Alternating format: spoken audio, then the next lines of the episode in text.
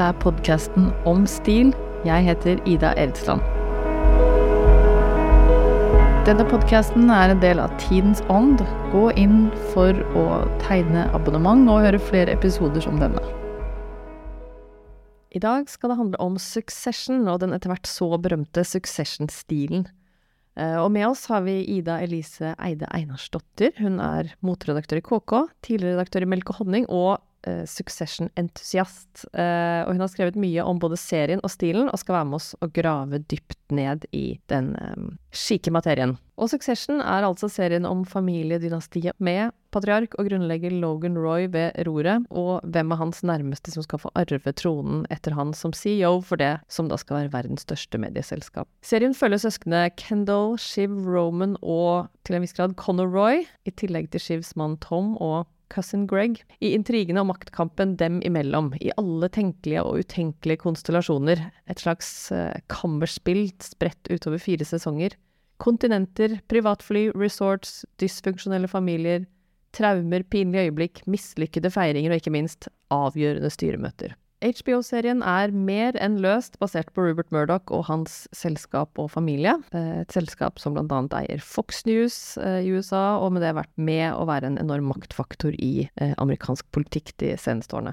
Succession kom i 2018 og har eh, trollbundet publikum gjennom fem år. Fått enormt med oppmerksomhet også for det vi skal snakke om kanskje hovedsak i dag, da, en helt spesiell stil, eller ikke-stil, i tillegg til alt annet gøy og Succession-relatert, selvfølgelig. Uh, og vi er veldig glad for at Ida er med oss i dag. Velkommen, Ida.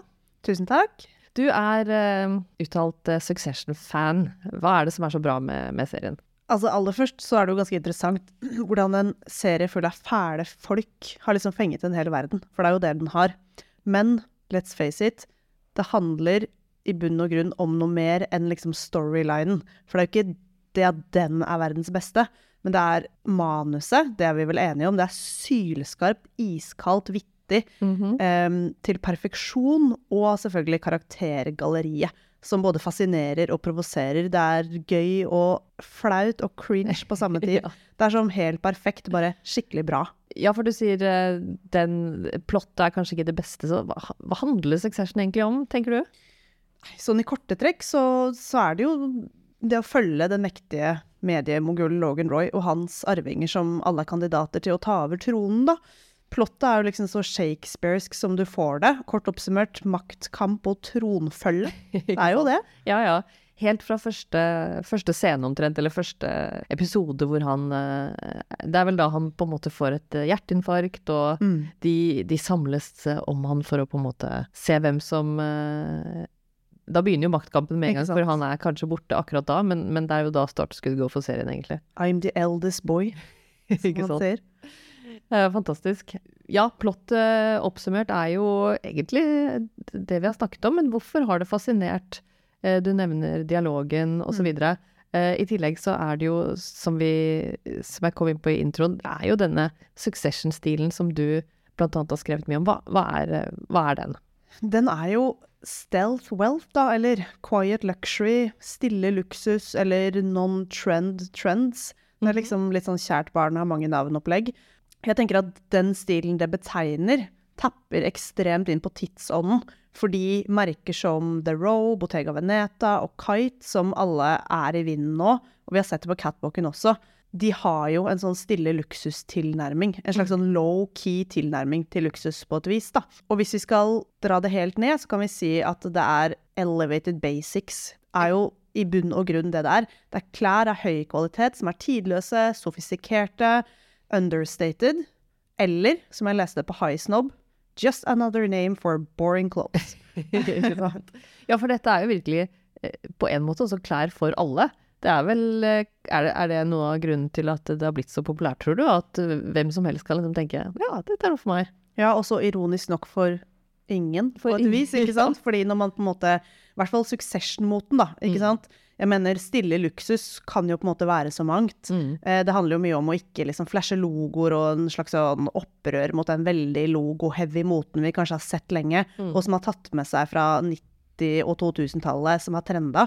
Men når vi ser på Succession, så er det jo klart at ja, det ser kanskje ut som det er for alle, men så er det for den ene prosenten som den familien tilhører, ikke sant. De går i T-skjorter til 6000 kroner. Det er jo ikke for alle. Men det er klart man kan stjele stilen på et vis, da. Mm. Um, og så tror jeg det der som jeg sa, at det, det fanger tidsånden, liksom. Det har uh, fingeren på pulsen. Um, og derfor så har det blitt en snakkis. Og så er det jo litt sånn, som vi begge vet, at klær er makt, ikke sant. Um, det sier mye om karakter og hvem du er.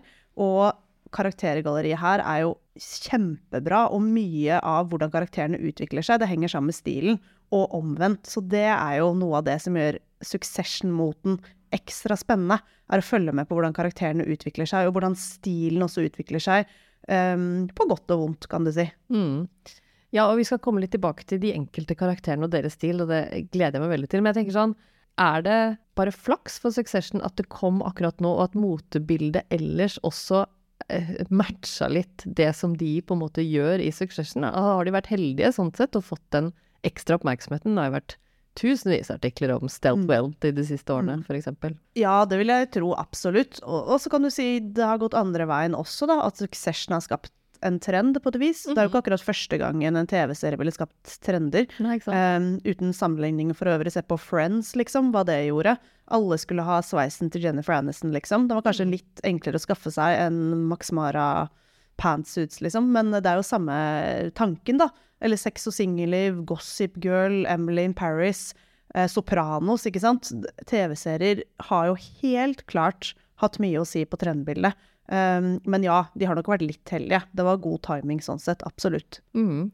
Men ja? Men her ser vi jo hvordan disse to eh, verdenene på en måte jobber sammen, og, og kanskje det blir, eh, har vært en bevisst eh, strategi, eller blir det enda mer i årene fremover for TV-serier eller for merker, da, og hvor de Du ser jo eh, at da, klær fra Succession har jo fått internettsøk etter visse designere, eksempel, til å liksom stige med 1000 Altså, du har denne helt enorme eh, oppmerksomheten også rettet mot klærne etter hvert, da, som sikkert har gjort det både gøy å jobbe med, men også sånn takknemlig for, eh, for de som er med. Og så er det så globalt, ikke sant. Alle har på en måte Hvis det begynner å Altså hvis det er millioner av folk som ser på det, så er det jo klart at det blir en en måte ekstra scene for motedesignerne. Mm. Litt sånn som rød løper og prisutdelinger og sånt har vært, ikke sant. Altså, alle vet jo at de gamle James Bond-filmene var sponset eh, i huet og ræva av diverse bilmerker og klokkemerker og Ikke sant, så det er jo ikke noe nytt sånn sett. Nei. Det er bare at nå er det overalt hele tiden, um, og det er på en måte mer av det.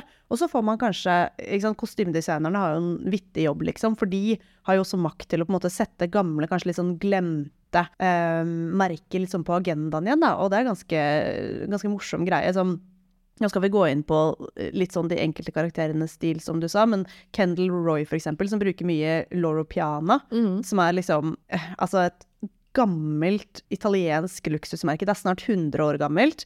GQ kaller det hyperluksus, og sier at det er et slags Uniqlo for milliardærer. Det syns jeg er ganske vittig sagt. Um, det har kanskje ikke alle hørt om. Det går nok under radaren for mange, og det er jo fordi de selger rådyre kasjmirgensere. Og capsen som han bruker, som har en prislapp på 2000 dollar for en caps! Ja, ja. Så det er jo ikke rart folk flest ikke har fått det med seg, men det merket har nå begynt å trende. Søkene eh, skyter i været, selv om folk kanskje ikke kjøper capser til 2000 dollar.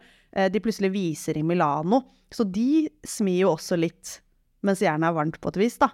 Absolutt. Og apropos de, så jeg leste at de hadde satt inn en eh, helsides eller dobbeltside annonse i New York Times nå når finalen gikk. Uh, og den, uh, de siste episodene, uten at jeg spoiler noe, så har vel også Kendal på seg en sånn grå frakk som er liksom fra uh, Loro Piana til da 9000 dollar, tror jeg den koster. Så eh, ikke billig. Men, Ikke eh, sant? Frakk og caps, så er det liksom på 11 000 dollar. Den er rolig. Men det er jo på en måte greia deres, liksom. Jeg så en kampanje de hadde hatt nå hvor på en måte catchphrasen var Worn by those who do, copied by those who don't. Det er jo ganske Det er ice cold. Og i tillegg så ryktes det jo at uh, Phoebe Philo har vært har konsultert for Loro Piano i sin da nedeperiode, hvor hun har vært ute fra Celine og nå kommer inn igjen på eget merke i slutten av september, tror jeg. Eh, så det er jo også en sånn eh, Kanskje det er en, eh, en liten eh, Ikke kall det konspirasjonsteori, men det er en eh, Ikke sikre kilder nødvendigvis, men eh, det, it's out there. Fanteori. Ja, fanfiction, ja. kanskje. det som er morsomt med det òg, er jo litt sånn at det handler Vi snakker masse om stil, ikke sant? Vi kunne sitte og snakket en hel dag om stil. Det er skrevet så mange, hundrevis, kanskje tusenvis av artikler om Succession-stilen. Egne uh, Vogue-artikler om liksom bare stilen til Shiv. Mm. Men samtidig så handler det nesten ikke noe om mote. Fordi de er jo ikke så opptatt av mote-mote. Det er ikke fashion forward. Overhodet ikke. Det er ikke fashionister, eh, og uh, det nevnes aldri egentlig. Altså, de, de snakker Altså, klær nevnes, men det er på en måte ikke et fokus for karakterene uh, uttalt. Og det er jo litt av greia med Quiet Luxury også. Mm. Og det å være den 1% som de er, som basically bare 1% i verden tilhører, hvor man kanskje ikke er så opptatt av å se rik ut, for man bare er det. Litt sånn de som vet, de vet-filosofi. Og det er jo noe av det som jeg tenker Vi syns jo det er vittig. Vi er jo spesielt interessert i Mm. stil, vil jeg si. Eh, men det er jo ganske mange som har latt seg provosere av det også, eh, på flere måter. Eh, den ene er jo bare det at man har 6000 kroners T-skjorter, er litt annoying i en tid hvor folk på en måte sliter med å betale strømregninga si. Mhm. Så det er mange som bare er sånn Hva er dette, liksom? Um, men jeg tenker, hvis man snakker om det som en slags sånn mote er mer enn bare klær-perspektiv, da, Mm. så er det ganske vittig, fordi det er jo ikke tilfeldig noe av det her, hva de har på seg. Og det sier så mye. Det sier mye om de og tiden vi lever i, og på en måte Det er en slags um, ja, nesten sånn sosialt eksperiment, liksom, um, hvor klær spiller bare en kjempestor rolle. Absolutt. Eh, og, og det ser man jo, der ser man jo så godt kostymedesignerens viktige jobb, da. Og, og ikke minst En ting er kostymedesignere og hvordan de bygger karakter, og man ser på en måte liksom dypere inn i deres syke da, gjennom overflaten og, og utvikling i det. Eh, men også generelt eh, mote forbi på en måte trender. Altså hvordan mote bygger eh, karakterer i serier, men også hvordan folk bruker klær i virkeligheten til å eh, skape identitet kanskje utover det vi er vant til å tenke på som, en, eh, som unge mennesker som eksperimenterer eller syns det er gøy å eh, liksom utforske hvem de er. Her er det på en måte Det er et middel, det er et maktmiddel. Det er et, eh, noe man bruker eh, for å komme i posisjon, for å bekrefte en posisjon, for å i det hele tatt eh, bygge, bygge en rolle også i et eh, utenfor en TV-serie, da. Og så tror jeg mange, litt sånn som du sier, på en måte ser liksom opp til deg ish, selv om ikke de trenger å kjøpe seg liksom baseballcaps til 2000. Eh, for det finnes jo andre måter å kjøre stille luksus på, Mm. med mer high end-merker som liksom Totem eller norske Envelope, altså, Mm. ikke sant, hvor ja, prisen er høy, liksom, men den er ikke på en måte, ikke the row, på en måte. Det er ikke en bukse eller en jeans til liksom 8000. Um, samtidig da, så syns jeg også det Heisen og Bajeti-perspektivet er litt vittig, hvor de bare er sånn der Men det er jo dritkjedelig. Stille luksus er det kjedeligste som fins, liksom. Ja, ja. Um, jeg syns også det er en liksom morsom måte å se det på, liksom. De er liksom nok et eksempel på at folk med masse penger har ræva stil. Ikke sant? Ja, og, og man kan uh, eh, Jeg leste om um, kostymedesigner um, Michelle Matland som, som sitter og observerer uh, folk som kommer på jobb på, i ulike skyskrapere på Manhattan, og se på en måte de eh, streberne eller som vil opp og frem, som kommer først, liksom stylet i tennene, og så kommer eh, de mer senior eh, etter hvert, som, som er litt mer lurvete. Og da kan man jo også tenke at da kan man fint, eller som å se på Mark Zuckerberg, hvorfor ikke gå i en, en hoodie, en zip-up-hoodie, liksom? Det er Den tekstilen, ikke minst, er jo også noe som gir en viss frihet eh, til de som har lyst til å ikke bry seg så mye. Og Kendal er jo litt sånn, på en måte. Han prøver jo også veldig hardt, og kjøper seg er det Lavaz sneakers, liksom, på første styremøte. Hvor han kommer inn og liksom sier sånn Ja, jeg tenkte jo at dere alle var kledd som bjørk, så jeg prøver bare å gjøre noe annet, liksom. Men så feiler han jo, for det er jo på en måte Ja, fashion fa på, liksom, å gå med de hvite sneakersene. Ikke sant? Um, så det er jo ikke sånn at de har på en måte oppskriften på stil. De har ikke liksom prikka inn stil, egentlig, noen av dem. De forsøker hele serien, og så starter du på en måte i, i sesong én og ender opp i sesong fire, hvor alle har gått gjennom en super både karakterutvikling Flesteparten er jo fortsatt liksom assholes, dessverre, men også stilmessig, Mm. hvor den bare speiler liksom deres persona på et vis. Um, jeg bare syns det er vittig at de på en måte ikke nailer den stilen. Mm. De tester og prøver, ikke sant, og du har alt fra Tom til, Ja, ja. eh, til Shiv, liksom, som er totalt forskjellige stilmessig, men som likevel liksom helt sånn menneskelig, da, sliter med på en måte å finne ut hvem er de, hvor passer de inn, hvordan skal de kle seg for ikke å etterligne. Altså, det er ganske sånn mellommenneskelige relasjoner der også, som på en måte vanlige folk som ikke tilhører liksom the one percent, også kan kjenne seg igjen i, da. Ja, for la oss snakke litt om Kendal Roy, selveste antihelten i dette poset. Eh, du nevnte Loro Piana. Eh, hva er liksom Kendals eh, stil og stilreise? Hva, hva er Kendal? Hva er det han driver med? Ja, det er et godt spørsmål. Han er en slags sånn moderne Hamlet. Stilmessig så er han på en måte litt sånn overalt, føler jeg. Um, vi snakket jo om de Lavais-joggeskoene på styremøtet, Mm. hvor han, han prøver jo skikkelig, da. Han bare, men sant, så blir det sånn mageplask ofte. Det blir jo, han er jo veldig cringe. Ah, I hvert fall i starten, og så blir han bedre, på en måte. Det er jo litt den reisen som vi snakket om. Ja, ja. Sånn karaktermessig og stilmessig. Uh, jeg syns jo også mye av det han har på seg, i hvert fall i starten, er veldig cringe. På bursdagen og sånn. Ja, uh, ja, for å snakke litt om den bursdagen, der var det mye å ta tak i. En, en, en grønn Gucci-bomber, for det første. Hva annet var det han hadde på seg? Var det ikke dette store smykket, som også bare kostet helt sånn insane mye penger, selvfølgelig, hvor bare alt var feil? Han er så tacky på et vis, da. Han er som en sånn gammel episode av MTV Cribs, liksom, hvor bare alt er feil og ingenting er riktig. Men så får man jo litt sånn All Han er- bangers all the time. typ, liksom. Men så får man jo en sånn derre Man føler litt med han. Man syns litt synd på at han ikke får det til, liksom. Han er litt sånn Thomas Giertsen, skjønner du hva jeg mener? Man blir jo litt lei òg. Jeg var sånn Kom igjen, da! Jeg, jeg håper sånn at han får det til. Og så blir det jo litt bedre utover i sesongene. Mm. Um, han, han klarer på en måte å, å, å få en finner litt fo et slags fotfeste etter hvert, da. Han gjør det. Og så prøver jo han litt å være pappa, ikke sant. Prøver å være sin far. Prøver å være som the other suit, som han kaller de. Mm. Uh, men han klarer liksom ikke det, for han har jo en sånn slags sånn dragning til noe sånn street-aktig greie, føler jeg. Absolutt. Han har jo denne Det ser vi jo hele veien i, i Succession. Når Kendal skal liksom hype seg opp, så er det uh, Da spiller han uh, altså JC The Takeover, han spiller Beastie Boys. Han, han, han er jo et barn av sin generasjon. En, en millennial. Og, og veldig opptatt av hiphop. Og det er jo så bare morsom sak, en sånn parallell til Lackland Murdoch, som også var med å grunnlegge Rocks Records, faktisk. Som jo er ganske spesielt. Ja, det er gøy. Og han- er jo som en sånn rik gangsterrapper, liksom. Uten stil, som bare Han har fått penger så han går og kjøper grills og Ja, ja. Og den jakka, som han, den aviator-jakken som han lager til seg og Roman.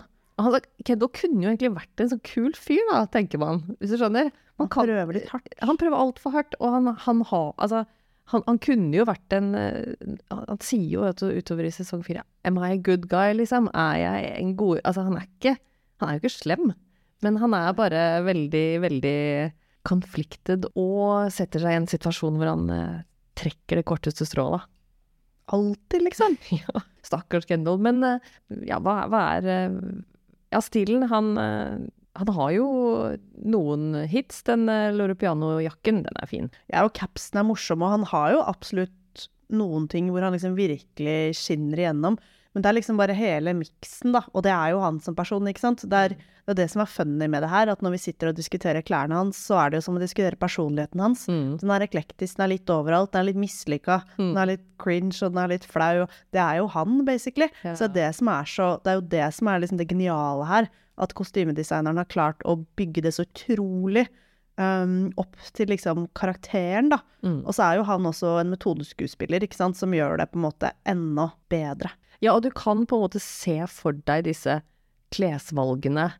Eh, liksom, hvordan han har på en måte tenkt når han har stått og altså Det er et eller annet med å, å bygge en karakter langt utover den scenen man ser, da. Hvor man liksom virkelig ser for seg han ta disse valgene eh, før han kommer inn i, inn i rommet og så. Og det har han jo åpenbart også i rollen, ikke sant. Du, ser jo at Kendal-Roy rasker jo ikke sammen noe tilfeldig. Liksom. han har tenkt på hva han skal ha på seg lenge før han har lagt seg om kvelden, skjønner du hva jeg mener? Mhm. Hva skal jeg ha på meg neste dag? Han har lagt det frem, og når han tar opp de Lavaz-sneakersene som er sånn box fresh fra den blå boksen, liksom, så blir han jo helt sånn salig. Så han er jo på en måte opptatt av stil, og jeg tror han tror han har en ganske kul stil, Mm. men det har han jo ikke. Ikke sant? For han er jo liksom Han, han bare prøver å få det liksom ikke helt til. Men eh, en interessant stilendring, da, eller, eller stilreise, om man vil. Fordi det blir jo bedre. Mm. Og jeg tenker hans eh, Ikke kontrast, kanskje, men sånn i forhold til Roman, eksempel, broren, Mm. som kanskje har en kjedeligere stil, eller mer sånn basic, på en måte. Ikke sant. Den er mer den, den er på en måte mer anonym og gir mer plass til hans liksom verbale krumspring, da. Som jo er hans spesialitet. eh, De er jo der. De er der. Eh, Men eh, den personen med kanskje tydeligst stilreise, eller også som står veldig ut i serien, som den, den eneste kvinnen i denne virkelige på en måte maktgryta, da, er jo Shiv Roy. Eh, søsteren til eh, Kendal og Roman. Eh, hun Ja, hva er det som skjer med Shiv? Fordi hun har jo Det er jo da kanskje folk fikk virkelig øynene opp for Succession-stilen gjennom hennes eh, liksom switch på et eller annet tidspunkt. Hun har jo hatt den største stiltransformasjonen av alle karakterene i Succession, helt utvilsomt. Og så er det jo noe med det at hun er kvinne i en mannsdominert verden, ikke sant. Mm. Og det ser man jo sånn stilmessig også. Altså den reisen hun gjør fra på en måte sesong én, og så til sesong to, og så tre, og så til slutt liksom siste sesongen hvor hun har bare endret til og med sveisen. Mm. Ikke sant? For hun starter jo med det lange håret, og så får hun den sharpe eh, frisyren Mm. som gjør henne skikkelig girlboss på et vis. Og at man umiddelbart får lyst til å klippe av seg håret. Man gjør jo det. Ja. Og så går hun jo på en måte Du kan jo si sånn Jo, men hun starter jo i dress, og så slutter hun i dress. Og det gjør hun jo på et vis, men hun går fra å være en av de andre i styret på et vis. Mm. Hun går fra å se ut som Jerry, liksom, til å ha dresser som på en måte passer henne selv, da. Mm. Litt sånn business casual chic-aktig. Men så skal det sies også at i sesong fire så skal vi ikke spoiles så mye, men det skjer jo ganske livsendrende ting for henne Mm. og hele familien. Og henne personlig. Ja. Eh, og det ser man på stilen, fordi der hun har vært sylskarp i sesong tre, så begynner hun å vakle litt igjen i fire. Mm. Er- Kler seg litt sånne rare ting, litt rare jumpsuits og litt sånne ting. Mm. Så kanskje ikke alltid er like flatterende på henne heller, ikke sant? For hun blir jo etter hvert ganske flink til å kle seg til kroppen sin òg. Mm. men så det er en sånn Så ser du håret får litt grann bølger. Altså. Ja. Små ting, liksom. Sant? Så med en gang det begynner å gå dårlig, eller det blir store utfordringer i livet, liksom, da ser man den der lille endringen i stil. Og det er det som er så kult, at de to er som sånn hånd i hanske hele veien, på en måte. Den private, liksom Ja, livet skjer, på en måte, og Mm. den stil, stilreisen, da. Og så tenker jeg, vi kommer ikke utenom å snakke om én ting når det gjelder Shiv, og det er i bryllupet til mora. Når hun Ja. var i den Ted Baker-kjolen. Den hvite hva kjolen skjedde som- der? Ja, den var all Altså, det, det også var en sånn Ja, hva, hva betyr dette, liksom? Mm. Den var eh, Og det var etter en periode hvor Shiva hadde hatt helt sånn impeccable eh, stil. Nettopp. Alt hadde vært så on point, og så plutselig kommer det noe som ikke er spesielt kledelig, Mm. som, som sitter feil, som er et rart valg, da. Og rare farger og rart alt, og Ted Baker er liksom ikke Det er ikke egentlig det hun bruker, ikke sant? Og det er jo sånn Man kan tenke sånn åh, har dårlig jobba kostymedesigner. Og så er det jo ikke det! Nei, Fordi det er jo en mening med det. Selvfølgelig har hun den kjolen av en grunn, liksom. Hun ser så ukomfortabel ut. Og det er jo fordi hun er ukomfortabel. Ikke sant. Og det er et frempek mot, uh, mot ting som skal skje, uh, hvor hun på en eller annen måte har mistet litt kontroll, da. Mm. Eller uh, ja. Og en fuck you til moren, Mm. som er sånn derre eh, Jeg kan se mye bedre ut enn dette, men jeg gidder ikke, for det er bare deg. Litt Ja. sånn er det. Sånn skikkelig in your face. Ja. Um, og det er jo det som er så gøy, at ingenting er tilfeldig. Det er jo meningen at hun skal se ukomfortabel og kjip ut der, liksom. oi, oi, oi. Og så spoler vi til liksom sesong fire, og så har hun liksom vacation wear. Det er også ganske kult. Litt sånn linbukser og skims. Hun Mhm. bruker masse skims. Mm. Kim Kardashian sitt eh, Ja, hva er det, da? Ja, Bodyverket, holdt jeg på å si. Hold din og Hold din undertøy, eller s- uh, shapewear, det de kaller det. shapewear. Det er ganske kult at hun bruker det liksom under sånne skikkelig businessdresser. Mm. Hun er skikkelig sånn girlboss, jeg liker det.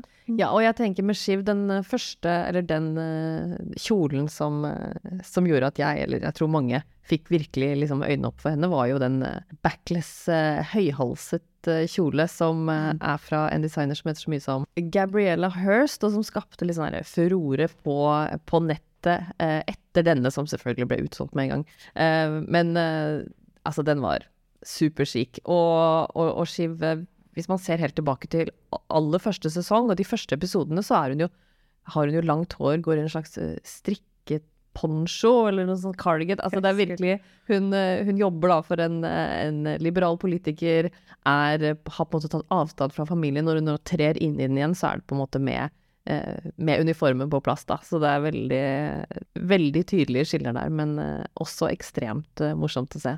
Og der er det jo veldig mye stille luksus. Hun elsker jo liksom Max Mara, turtlenecks, fine dresser, ikke sant. Som har en helt sinnssyk prislapp, selvfølgelig. Men det som er kult med det, er at det er så innmari skreddersydd. Sånn etter hvert når hun begynner å finne sin stil, så spiller hun liksom på de, sine feminine sider. Hun vet hvordan hun skal kle seg etter kroppen sin, hun fremhever liksom sine beste trekk. Det er Hun, hun er faktisk et lite stilikon, altså. Det vil jeg påstå. Jeg er helt enig. Jeg syns hun eh, Hun får det virkelig til, og det er et eller annet med å se de klærne i aksjon er noe på en måte annet enn å se det på en catwalk. Altså, du kan se The Row, uh, the row altså du kan se alle disse merkene på en modell, men det å se det uh, spilt ut da, med en skuespiller i, på denne scenen, gjør det jo litt sånn uimotståelig. Man vil jo se ut som uh, Shivroy på sitt beste.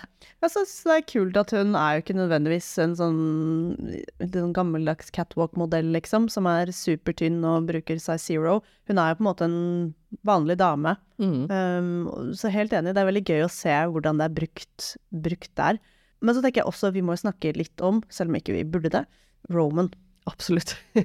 Roman, eh, han eh, eh, Kieran Culkin spiller jo en helt fantastisk rolle, og, og kom litt sånn ut av ingen steder med liksom denne fantastiske figuren Roman Roy. Men når vi ser på hans kommentarer videre, han er kanskje den som kommenterer mest på folks stil. Han er ganske sassy, kan du si, Ja. på alle plan i livet.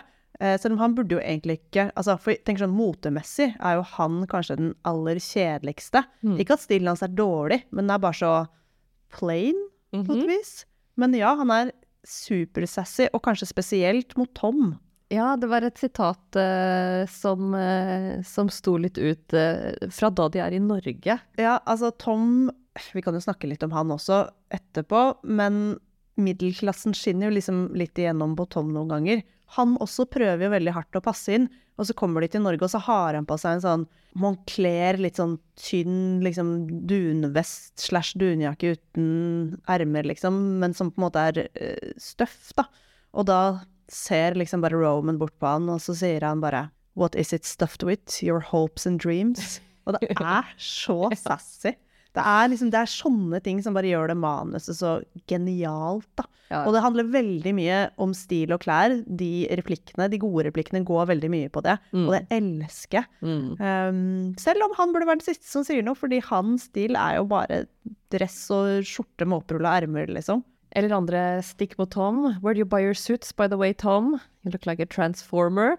Um, Stakkars Tom. Stakkars Tom. Tom er uh... Det som er litt gøy med Tom, da, sånn ref den stilutviklingen, er jo at alle disse stikkene mot Tom Til slutt blir det faktisk Tom som gjør stikket. Og da snakker jeg selvfølgelig om vesken med latterlig kapasitet, som han kaller det. Ja, den er helt fantastisk. Når daten til Greg kommer inn på bursdagen til Logan, for det første sånn Why did you bring your date, liksom? Og så ser Tom det aller først og sier liksom Dette er da en, en stor Burberry-veske. Eh, som- Gigantisk, ja, ifølge Tom. gigantisk. Men som for vanlige folk vil være sånn oh, Burberry-veske, ja, den var kjempefin. Så er Tom sånn Nei, nei, nå er det my time to shine, liksom. Og dette er altså en date som uh, cousin Greg tar med uh, på Logans eh, 80-årsdag. Uh, helt upassende, selvfølgelig. Eh, og, og får da høre det fra, fra Tom. Stakkar. Og hun kommer jo inn første gang, prøver sikkert liksom alt hun har å passe inn, og ha, så peker han ut denne gigantiske, monsterstore vesken og sier liksom What's even in there? Flat shoes for the subway, her lunch pail. You could take it camping. Og så You can slide it across, the floor after a bank job. Altså, det er så morsomt. Og endelig kan Tom liksom triumfere. Han har liksom tatt stikket på en annen stil. Og da er liksom sånn, for da er Tom i gang med sin stilendring, på en måte. Ja. Um, Og Tom sparker jo han, han trenger noen å sparke nedover på. Alle sparker jo på Tom, så han trenger Greg som en uh, scapegoat. Uh, og, og da går det selvfølgelig også på, på stil og, uh, og hvordan andre, og ikke minst Greg, ser ut, da. Greg er jo på en måte Toms Tom, på et vis. Absolutt. Ikke sant? Han er jo basically Disgusting Brothers. Det er så cringe. Han er jo Toms dårlige selvbilde i en slags person.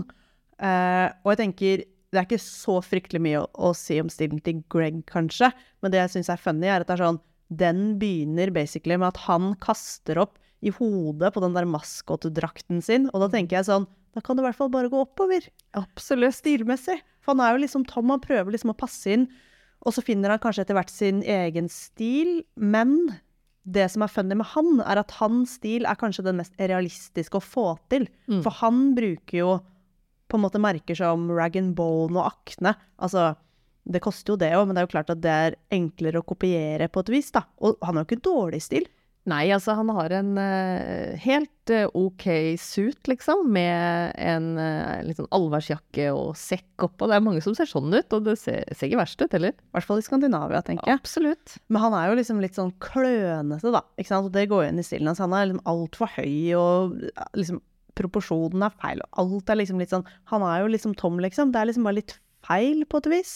Helt klart, og så ser man på en måte da, spesielt i siste sesong, hvordan han liksom blir sharpere og sharpere, og man får vel en slags sånn eh, Altså, man sier jo han har blitt eh, Darth Greg, men altså han, han blir eh, strammere og strammere i, i uttrykket, og, og, det skal vel Eller det er vel et slags frempekk, og betyr noe, det også. Nettopp. I hvert fall tenk deg stilreisen da, fra maskotdrakten til den suiten. Det er jo faktisk imponerende, bare det. Men vi må bare, vi må bare ta et lite hopp tilbake til Roman, for vi må snakke om T-skjorten hans i den siste episoden. Ja, for her møter vi jo en um, totalt nedbrutt, uh, uten at det nødvendigvis spoiler så mye, uh, Roman uh, tilbake i mors favn, til og med. han er jo den mest kanskje traumatiserte søskenet, lillebror, som, som, i størst grad kanskje er preget av de liksom fraværende foreldrene. Mm. ja, og den T-skjorten, den er fra Walmart. Og det er så gøy. Ja. Den er fra Walmart, og han er sånn 'Å, han er hjemme hos mamma'. Og det er litt sånn Har han kjøpt den T-skjorten, eller har han funnet den sånn Du vet når du kommer hjem til mamma, har ikke vært der på mange år, og så er det sånn bakerst i skuffen fra når du var liksom 14, så finner du en gammel T-skjorte. Litt sånn føler jeg at det var. Og så sier han så mye. Men hvor har han fått tak i en Walmart-T-skjorte i utgangspunktet, selv da han var 14? Åh, nei, gud. En Jeg vet, kanskje da han har hatt besøk, og noen har lagt den igjen. Den er liksom, han har ikke vært og handla den i går, på en måte. Og det som er enda mer funny, for jeg følger jo denne Succession Fashion-fan-kontoen på Instagram. Mm. Yes, det fins en. Hvor det er sånn, de basically går gjennom alle antrekk, og så sier de hvor det er fra, i tilfelle du vil kopiere stilen. Ikke bare er den fra Walmart, den er sånn to for én. Ah, Det er genialt. veldig gøy. Det er liksom Ja. enda verre. På Instagram så er det bare sånn Det er så mye kommentarer selvfølgelig på den T-skjorten, og da mener de at den to forentingen er sånn adds insult to injury, på en måte. Og det er veldig gøy. Og så er han en sånn Sånn som den T-skjorten ser ut, det er jo ikke bare at den er fra Walmart. Den er ikke hvit og er fra Walmart. Den er sånn teite farger med sånn teite Ja, bånd på. den er sånn off, men også litt sånn, litt sånn søt. Ja, men han er som en liten gutt, Ja. ikke sant? Og det er jo det han er. Han er jo en liten gutt som er hjemme hos mammaen sin, og bare alt har verden av sine sår. Ja, nettopp. Så det Mm. passer jo så bra. Åh, igjen, ass. Det er, eh, det er noen gode grep der som bare er er helt geniale. Eh, la oss snakke om sånne litt sånne mm, eh, bifigurer, og, og noen av deres eh, Ja, har, er det noen der som du vil trekke frem som du liker spesielt godt? Jeg syns det er trist ikke snakke om Connor, da, selv om ikke vi trenger å snakke så lenge om han. Altså, Connor er fantastisk. Han er jo, han havner jo litt utafor, da, som en sånn halvsøsken bare. Men stilen hans er jo sånn ganske streit, liksom. Han er litt sånn all money. Brooks Brothers og Barber, liksom. Mm. Klassisk sånn Upper East Side i et sånn desperat forsøk på å liksom oppnå den derre tomme presidentdrømmen. Altså, Connor er jo nesten den figuren vi ser bruke pengene sine med litt glede, liksom. Eh, han kjøper en eh, ranch i New Mexico, han kjøper leiligheten til pappaen, han tar for seg ting han vil ha, han uh, vil ha et stort bryllup til x antall millioner. Altså, han, uh, han, han koser seg litt med det, rett og slett. De andre virker som de bare Han gjør det. har det stusslig. Sånn rent utenfor stilmessig, holdt jeg på å si, bare helt sånn på personlig plan, så er det jo en sånn greie, eller en sånn fanteori på nettet om at de som på en måte kommer best ut av alt, er på en måte Connor og Villa. Fordi de er, de er de som faktisk virker litt sånn noe som helst, en bit av lykke.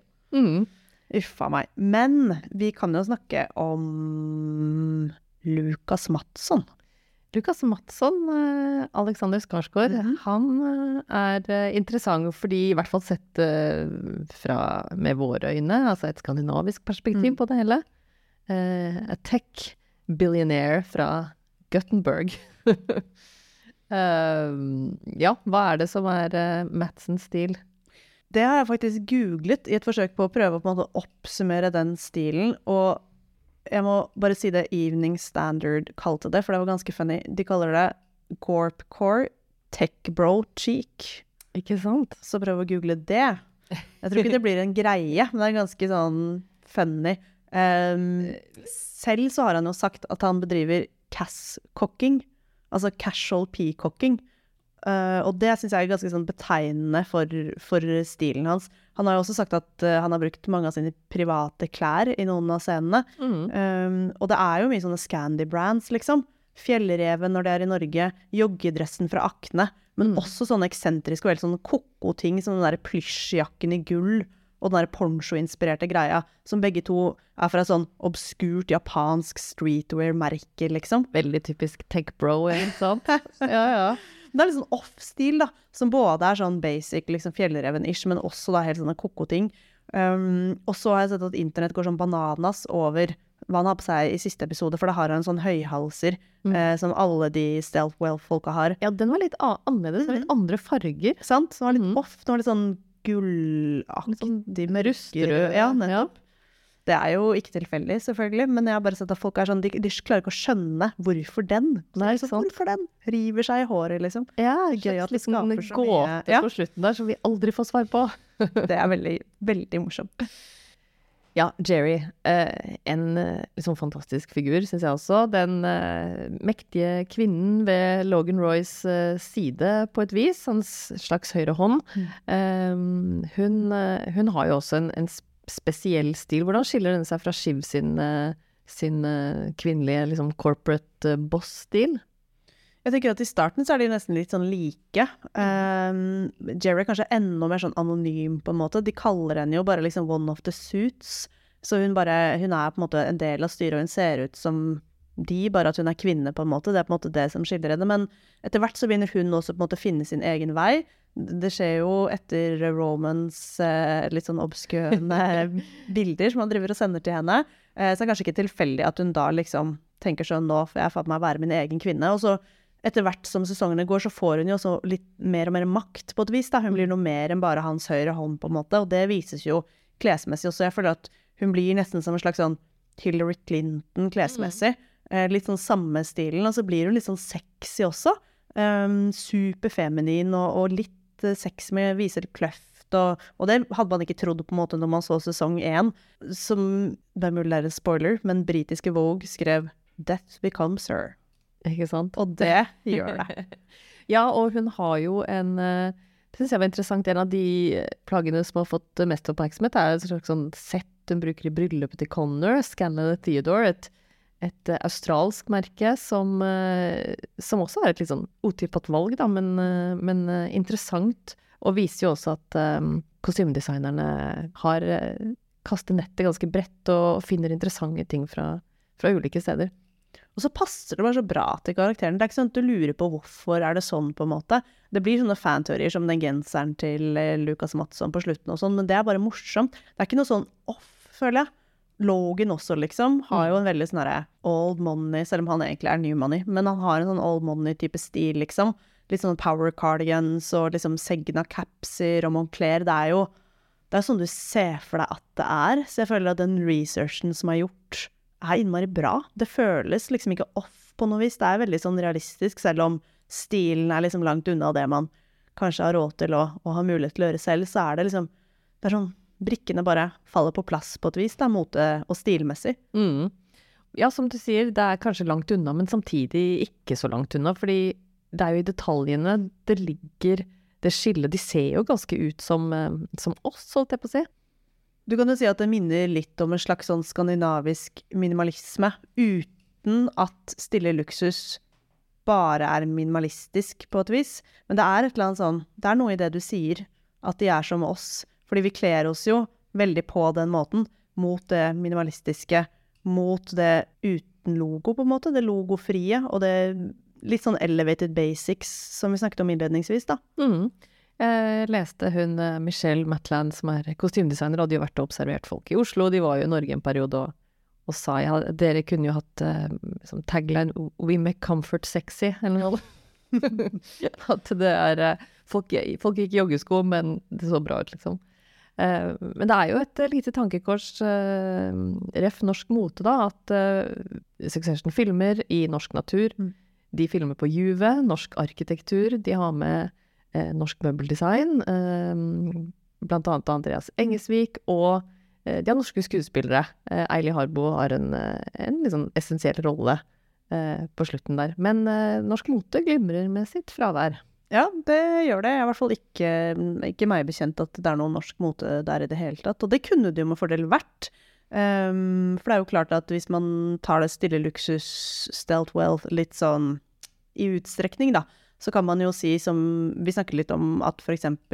Celine Aagaards merke Envelope kunne jo mm. passet fint inn der. Mm. Um, men jeg tror at liksom Når fokuset nå etter hvert er ganske retta mot Skandinavia og skandinavisk mote, for det er det jo utvilsomt, så tror jeg ikke det tar lang tid før også norsk mote dukker opp i serier som det. De kunne på en måte like gjerne vært der, mm. hvis du skjønner. Så jeg tror ikke det er noe sånn bevisste valg eller noe sånt, men det er jo klart at man må sette seg på kartet på et vis, liksom. Det kunne, altså, kunne de, delvis vært Holzweiler. Ikke sant. Ja, for hvordan kunne man uh, kanskje ha sett for seg å, å, jobbe strategisk for noe sånt? Jeg, jeg vet at uh, kostymedesigneren nevnte at hun hadde vært på, på Fernie Jacobsen, og syntes jo den butikken var øh, spot on, uh, og hadde funnet en en slags poncho der fra et mm. merke som het Blest, uten at jeg egentlig kjenner så godt til det. Men uh, Eh, som da kanskje fikk være med Jeg har ikke helt sett hvor det er i serien. Men eh, det har på en måte ikke vært noen som har oppsøkt henne, eh, vist henne hva hun eventuelt kunne brukt. Eh, ja. Jeg tror det, liksom, Noen ganger handler det også delvis om tilfeldigheter, liksom. Litt sånn som Eiley fikk rollen, var vel basically bare at hun sendte inn en film to dager før, liksom, og så fikk hun reise ned. Så noen ganger er det jo litt sånn Er man jo litt heldig, rett og slett, ja. eh, og, og ting bare skjer.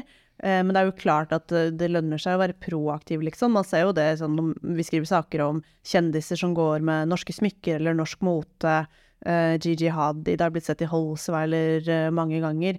Og noen ganger så går de jo og kjøper det selv, og finner det og oppsøker det selv fordi de er liksom personlig interessert og investert i stil og mote, liksom. Men mange ganger så handler det om på en måte å ha et forhold til stylisten deres, da, for eksempel. Mm. Uh, og da kan man jo enten på en måte forsøke å gjøre det selv som designer og merke, uh, eller at PR-byrået gjør det, eller at man kan benytte seg av plattformer som f.eks. Oslo Runway, ikke sant, ved å invitere mm. uh, kostymedesignere ned. Det er ikke sikkert det hadde vært så dumt, liksom. Nei. Det er jo en slags måte å eksportere norsk mote på, da, og vi er jo ikke så jævla flinke på det, så kanskje ikke sant? Det... En slags uh, Innen musikkbransjen finnes jo det Music Export Norway, eksempel. Fashion Export Norway. Why not? Det får bli uh, vårt siste eh, ord i Succession-sagaen. Tusen takk for at du var med, Ida. Tusen takk. Det var en glede to Succession-fans imellom. Um, jeg tror nesten jeg må gå hjem og starte serien på nytt. Uh, og anbefaler deg som ikke har sett den, uh, da har du kanskje ikke hørt på Helene podkasten, men hvis ikke, uh, gjør det samme. vi høres neste gang. Da har vi med motehistoriker og forfatter Ragnhild Brochmann, som snakker om sin nye bok 'Stygt og pent'. Høres da!